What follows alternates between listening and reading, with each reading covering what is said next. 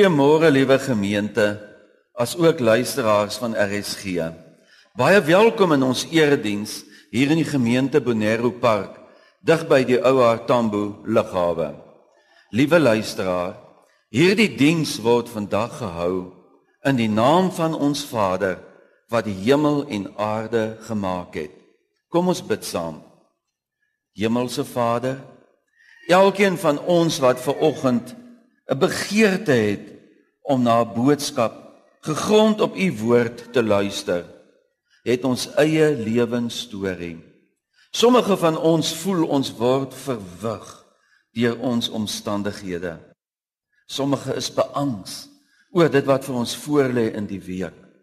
Sommige het 'n gejaagde en veel eisende week agter die blad. Ander worstel dalk met 'n siekte en lê op 'n siekbed en luister na die radioboodskap. Ander is in 'n motor op pad na elders.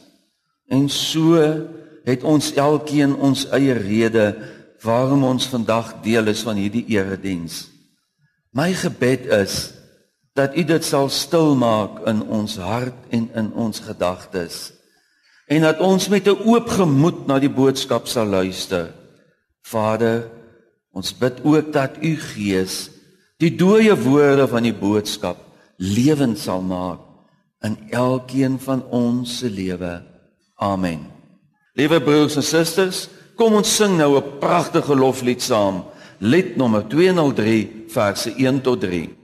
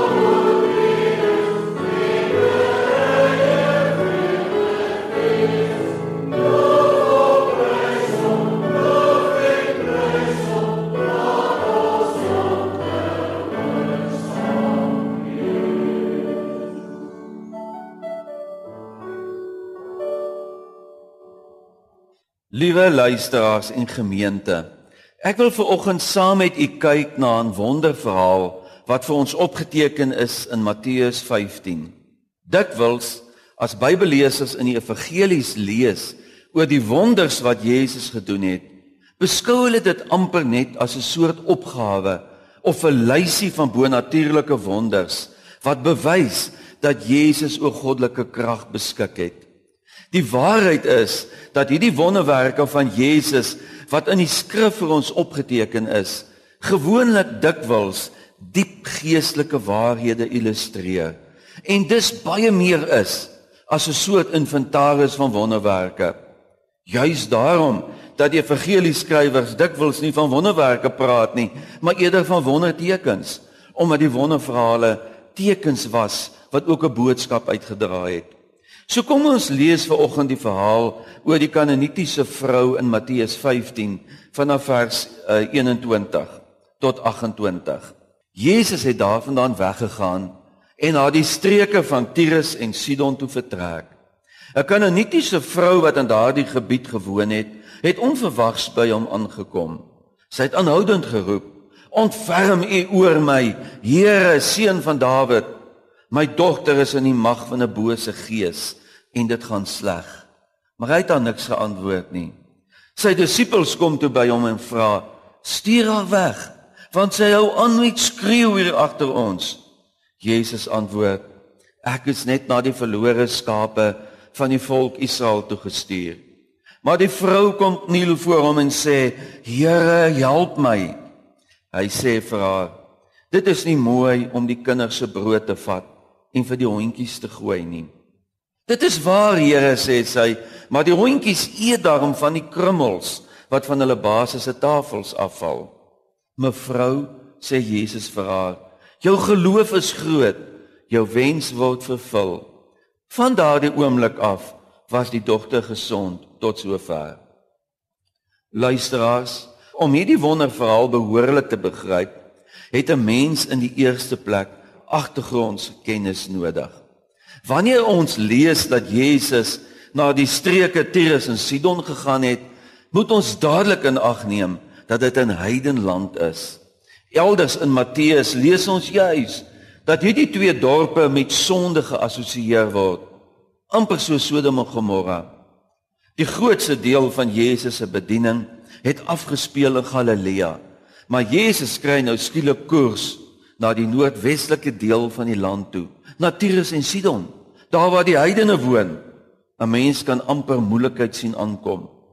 Dan kom daar ook 'n Kanaanitiese vrou na Jesus toe.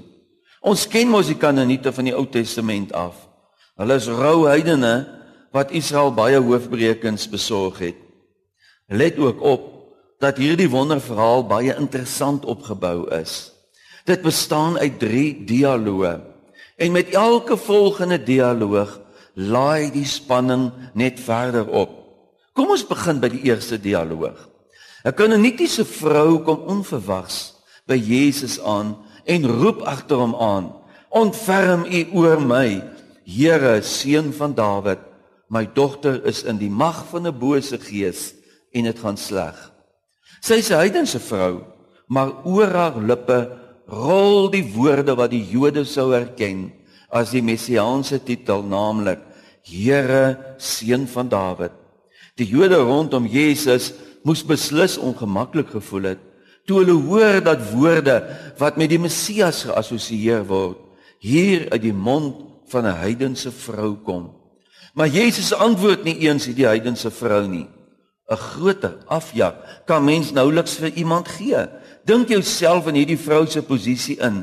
Sy spel haar nood voor Jesus uit en Jesus antwoord haar nie eens nie. Hy gee haar net 'n koue skouer en so begin die spanning in hierdie verhaal opbou. Die disippels kom nou by Jesus en vra dat hy haar van hulle af sal wegstuur. Hulle is nie so seer bekommerd oor haar nood nie. Hierdie vrou moet tog net onder hulle oë uitkom. Haar gekerm en geroep irriteer hulle grensloos. Dis mos ook soos ons dikwels voel as ons by die winkels deur lapswaaiers en by die robotte deur bedelaars gekonfronteer word. Jy wens net die stadsraad kan hulle verwyder. So herken ons onsself in die optrede van die disippels wat nie oor die vrou se lot bekommer is nie. Mense met nood moet net nie langer in ons lewensruimte wees nie want dit maak ons ongemaklik. Dit is presies wat die disippels sê: "Stuur haar weg, want sy hou aan met skreeu hier agter ons." Die spanning in hierdie verhaal bou verder op. Hierdie vrou het nood, maar nêrens kry sy hulp nie. En dan antwoord Jesus haar en sê: "Ek is net na die verlore skape van die volk Israel toe gestuur." Jesus sê dus vir haar: dat hy nie haar gaan help nie, want sy bediening is bedoel vir Israel, nie vir die heidene nie. Die volk Israel is sy missie. Hierdie Kanaanitiese vrou is nie deel van God se volk nie. Sy is 'n Kanaanitiese vrou en kan dus geen aanspraak maak op Jesus se hulp nie. Nou laai die spanning nog meer op.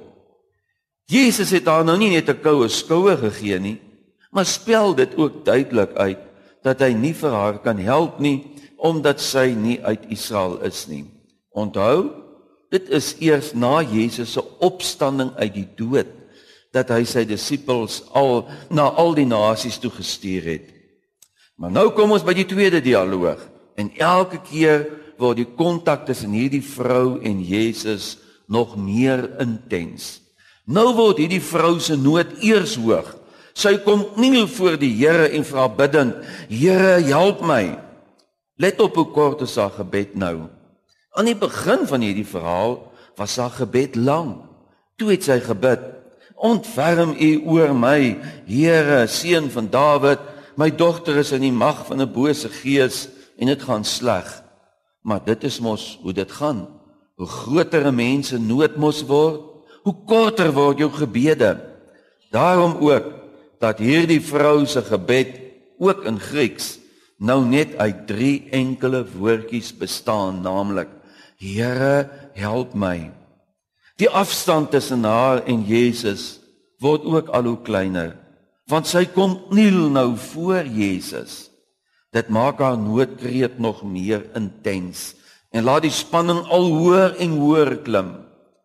Jesus sê vir haar: "Dit is nie mooi om die kindjies se brood te vat en vir die hondjies te gooi nie." In ons samelewing is die meeste mense baie lief vir honde. Maar in die Bybelse wêreld was honde nooit hoog geag nie.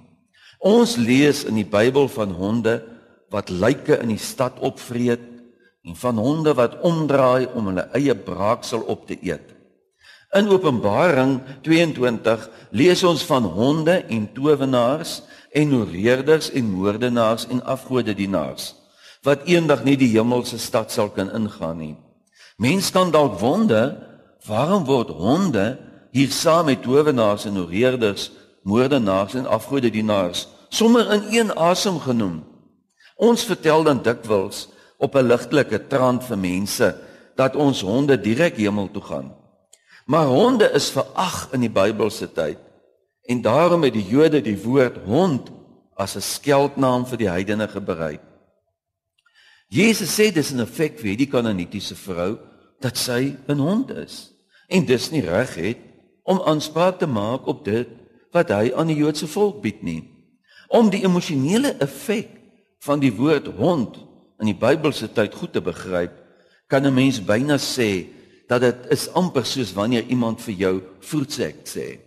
Dit is asof die spanning nou 'n hoogtepunt bereik het vanweë die intensiteit van Jesus se oënskynlike afjak van haar.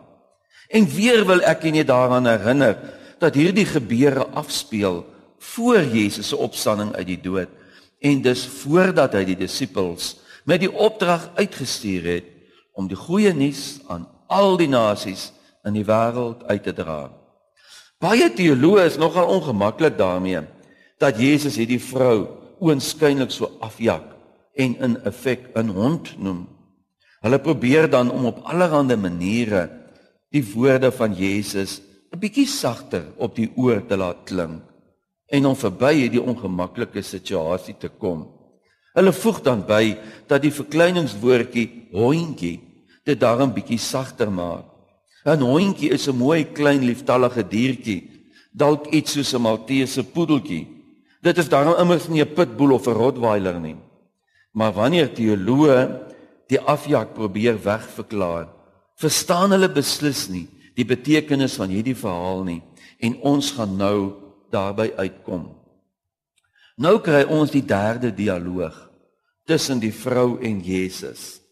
Die kananitiese vrou antwoord: Dit is waar, Here, sê sy. Maar die hondjies eet darm van die krummels wat van hulle basiese tafels afval. Hierdie vrou hou vol om haar nood aan Jesus uit te spel. Sy is self tevrede met die krummels wat van die tafel afval. En dan sê Jesus vir haar hierdie besondere woorde: "Mevrou, jou geloof is groot. Jou wens word vervul." Luisteraars, ek moet dit weer vir u herhaal wat Jesus vir haar gesê het. Mevrou, jou geloof is groot. Jou wens word vervul. Tog lees ons nêrens dat hierdie vrou gesê het dat sy glo nie. Nogtans sê Jesus dat haar geloof groot is. Dit is omdat hierdie vrou nie sê dat sy glo nie, maar sy illustreer dit deur haar optrede. Dit is duidelik dat sy derentyd geglo het dat Jesus haar sal help. Sy het nie een oomblik daarin getwyfel nie. Daarom klou sy aan Jesus vas vir 'n oplossing vir haar probleem. Jesus sê dat juis dit 'n skitterende voorbeeld is van geloof. Geloof is om te weet jy het geen reg waarop jy kan staan vir jou versoek nie, maar jy hou nogtans aan God vas. Hierdie vrou het geen gronde vir haar versoek gehad nie. Sy het nie die regte afkoms of herkoms gehad nie. Sy het die verkeerde adres gehad. Sy het aan die verkeerde kant van die spoorlyn gebly. Sy kom van 'n heidenland af. Daar's absoluut niks wat dit vir haar maklik maak om haar op Jesus te beroep nie. Maar sy los nie Jesus nie. Hierdie kanonitiese vrou het net besluit dat sy aan Jesus gaan vashou vir 'n oplossing ondanks alles wat teen haar getel het en dit is wat geloof is. Hierdie wonderverhaal leer ons hoe lyk iemand wat glo. Dit is iemand wat desondanks alle omstandighede aan Jesus vashou. Niks of niemand kan so iemand oortuig om sy of haar rug op Jesus te draai en weg te stap van hom af nie. Hierdie vrou stel vir ons 'n voorbeeld van hoe ons in Jesus moet glo. Geen argument maak 'n einde aan haar geloof nie. Geloof het geen vashou plek wat dit vir ons makliker kan maak om te glo nie. Geloof is daardie blinde vertroue op die Here, selfs al voel dit dat jou gebede nie verhoor word nie. Mense soek dikwels feite sodat hulle makliker kan glo. Hulle soek vastigheid. Daar moet iets wees waarop jy jou kan beroep en waarmee jy kan wys dat dit nie so onsinnig is om te glo nie. 'n Mens moet tog bewyse in die lewe hê. Jy kan nie net so in die donker rondtas nie, maar hierdie kanonitiese vrou het vir ons kom illustreer wat geloof werklik is. Geloof is om absoluut sonder enige sekerhede 'n keuse te maak dat jy aan Jesus gaan vashou en dat jy jou tot hom wend vir jou lewensbestaan. Daarom dat Jesus vir haar sê Jou geloof is groot. Ja, het die kanonitiese vrou leer ook vir ons iets oor volhardende gebed. Sy leer vir ons wat dit beteken om regtig met ons Heer te worstel. Haar lewensverhaal illustreer vir ons dat wanneer ons bid en ons kry nie dadelike antwoord nie, dat ons weer en weer kan vra. Ons moet bid sonder om moedeloos te word, soos hierdie vrou. Jesus het hierdie kananitiese vrou se versoek telkens afgewys. Maar dit het haar nie ontmoedig nie.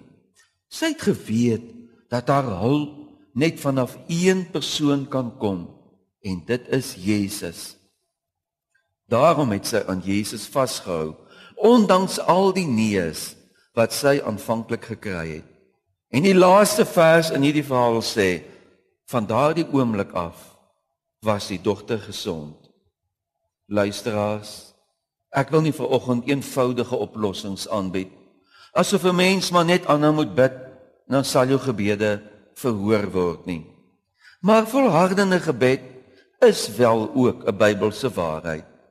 En daar is ook mooi verhale in ons eie tyd van gelowiges wat net volhardend vasgehou het aan Christus en wie se nood hy wel aangespreek het. Tog Volhardende gebed het nie ten doel om 'n houvas op God te kry en jou wil elke keer te laat seevier nie. Hierdie verhaal gaan in die heel eerste plek daaroor om vir ons te wys hoe lyk ware geloof. Iemand wat waarlik glo, hou onvoorwaardelik aan God vas. Kom ons sing nou 'n lied wat spreek van onvoorwaardelike geloof en vertroue in God.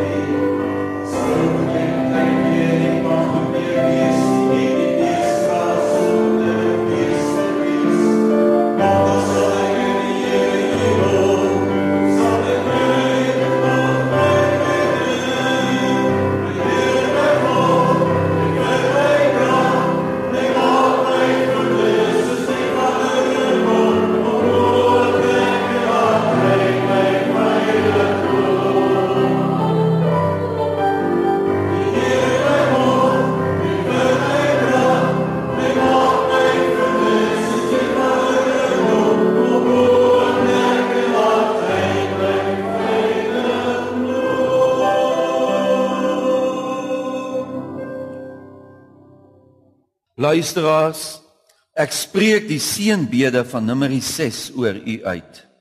Die Here sal vir julle goed wees en julle beskerm. Die Here sal tot julle redding verskyn en julle genadig wees. Die Here sal julle gebede verhoor en aan julle vrede gee. Amen.